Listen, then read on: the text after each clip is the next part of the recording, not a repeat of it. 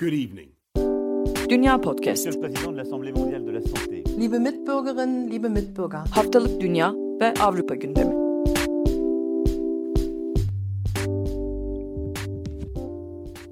Herkese merhaba. Dünya Podcast'te ve Postit'in 5. bölümüne hoş geldiniz. Ben Akın Art. Bu hafta sizlerle Avrupa gündemi için değil, farklı bir gündem için Orta Doğu'nun, Körfez'in 3,5 yıldır süren gündemindeki önemli bir gelişme için buluştuk. Katar ve Suudi Arabistan arasında bir süredir devam etmekte olan gerilimden bahsediyorum. 2017 yazının en önemli gündem maddelerinden biriydi. Hatırlayanlarınız olacaktır. Katar'la diplomatik ilişkilerini Körfez ülkeleri, Suudi Arabistan, Birleşik Arap Emirlikleri, Bahreyn ve Mısır'da dondurmuşlardı. Gerekçe olaraksa Katar'ın bölgedeki terör örgütlerine desteğini göstermişlerdi. Bu şu yüzden önemli hem hava hem hava sahasını kapattı Suudi Arabistan hem kara sınırlarını kapattı. Bu ülkelerin tamamının sınırlarını kapattığı bir tabloda Katar'ın hareket etme şansı kalmıyor haritadan görebileceğiniz gibi. Bu dönem boyunca İran ve Türkiye Katar'ın en büyük destekçileri olmuştu. Özellikle de Türkiye zaten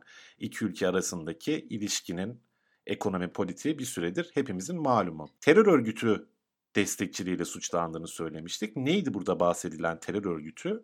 Müslüman Kardeşler İhvan örgütü. Muhtemelen çoğunuzun aşina olacağı Mısır merkezli fakat İslam coğrafyasının pek çok yerinde faaliyet gösteren bir örgüt. Bildiğiniz gibi bu örgüt terör örgütü ilan edilmişti pek çok ülke tarafından Mısır'ın başını çektiği. Bir diğer gerekçe ise Katar'ın İran'la işbirliği yaptığı iddiasıydı bu ambargoya gerekçe olarak gösterilen. Katar'a ait resmi Q&A Qatar News Agency sitesinde Katar emiri Şeyh Temim'in o zaman verdiği bir röportaj bu desteğe gerekçe olarak gösterilmişti. Bu röportajda Şeyh Temim İran'ın görmezden görünemeyecek bir bölgesel ve İslami güç olduğunu söylemişti. İran'ı böyle değerlendirdiklerini söylemişti.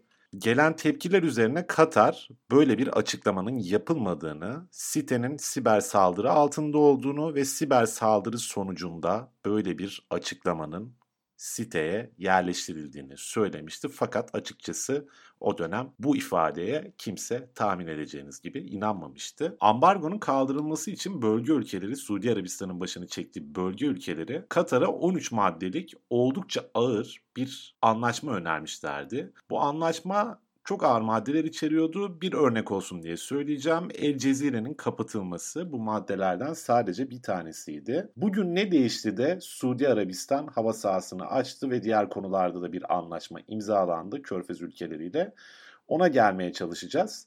Şimdi bugün 41. Körfez İşbirliği Konseyi zirvesinde Muhammed Bin Selman El Ula kentinde Şeyh Temim'le, Katar emiri Şeyh Temim'le buluştu. El Cezire'den ben takip etmeye çalıştım. Ee, uçaktan indiği anda Şeyh Temim Muhammed Bin Selman tarafından, namı diğer MBS tarafından karşılandı. El Cezire önce el sıkışmıyorlar çünkü Covid var gibi bir e, açıklama yapıyordu. Taraflar karşılıklı birbirlerini selamlarken. Sonra iki taraf birden sarılmaya başlayınca tabii bu açıklama boşa düşmüş oldu. Bu sefer bizim kültürümüzde böyle bir gelenek vardır vesaire diye gerekçelendirmeye devam ettiler. Anlaşmanın detaylarını henüz bilmiyoruz fakat oldukça sıcak karşılandığını söylemek mümkün. Şeyh Temim'in Muhammed Bin Selman tarafından. Fakat söylendiğine, aktarıldığına göre çeşitli kaynaklardan bu 13 maddeden herhangi birinin aslında karşılandığını şu anda söylemek mümkün değil. Sadece Katar'ın devlet ajansları, devlet yayın organları aracılığıyla Suudi Arabistan'ı eleştirmeye son vermeye kabul ettiği söyleniyor. Fakat dediğim gibi bir önceki talep örneğin bu konuda El Cezire'nin kapatılmasıydı. Peki ne oldu? Ne değişti? Tekrar aynı soruya dönecek olursak aslında bölgede değişen bir takım dengelerden ve bu dengelerin değişmesinden kaynaklı değişen bir takım önceliklerden söz etmek mümkün. Bu dengeleri Muhammed Bin Selman yaptığı konuşmada şöyle özetliyor. Bugün bölgemizi ilerletmek ve bizi sarmalayan meydan okumaların üstesinden gelmemiz için çabalarımızı ortaklaştırmaya çaresizce ihtiyaç duyuyoruz. Özellikle İran rejiminin nükleer ve balistik füze programına ve sabotaj ve yıkım planlarına karşı bu duruma ihtiyaç duyuyoruz demiş. Buradan anlaşılabileceği, anlaşılabileceği gibi bu anlaşmanın ve olası yeni Orta Doğu ittifaklarının temelinde önümüzdeki dönemde 2021'in başından itibaren İran karşıtı ittifaklar olacak. Bu ittifakların en önemlilerinden biri olarak belki uzun süredir sürmekte olan bu krizin bitirilmesini ve Körfez'de bölgenin önemli aktörleri sayılabilecek Katar ve Suudi Arabistan arasında yeniden bir birlik tahsis edilmesini sayabiliriz. Peki şu soruyu sormak herhalde hepimizin aklına gelmiştir. Bu soruyu da düşünmek yerinde olacaktır hakikaten. Türkiye'nin Katar'ın en önemli müttefiklerinden biri olduğunu hatta belki en önemli müttefiki olduğunu söylemek mümkün Orta Doğu'da. Fakat Körfez ülkelerine baktığımızda bir ortak düşman olarak öne çıkan ülkelerden birinin Türkiye olduğunu görüyoruz. Bu durum Türkiye'nin diğer Körfez ülkeleriyle barışmasının önünü açacak bir gelişme mi olacak?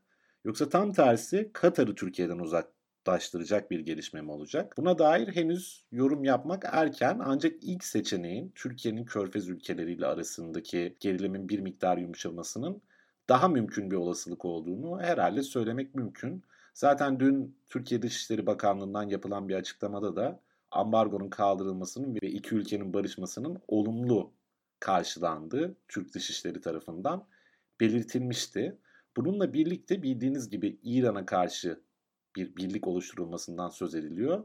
Bu bölgede İsrail'le bir normalleştirmeyi de aslında gerekli kılıyor.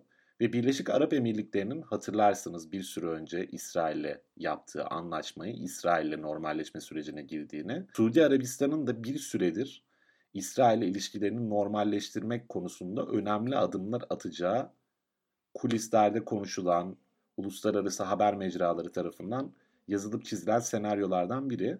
Bunu beklemek de herhalde mümkün olacaktır.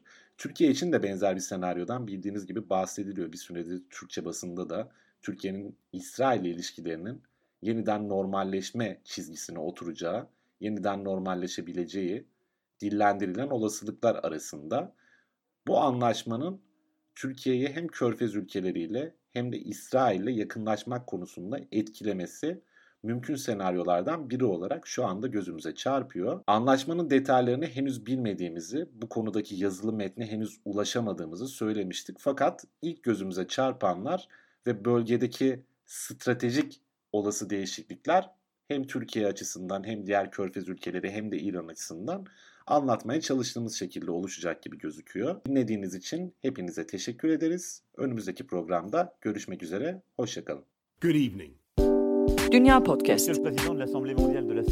Liebe Mitbürgerinnen, liebe Mitbürger. Haftalık Dünya ve Avrupa gündemi.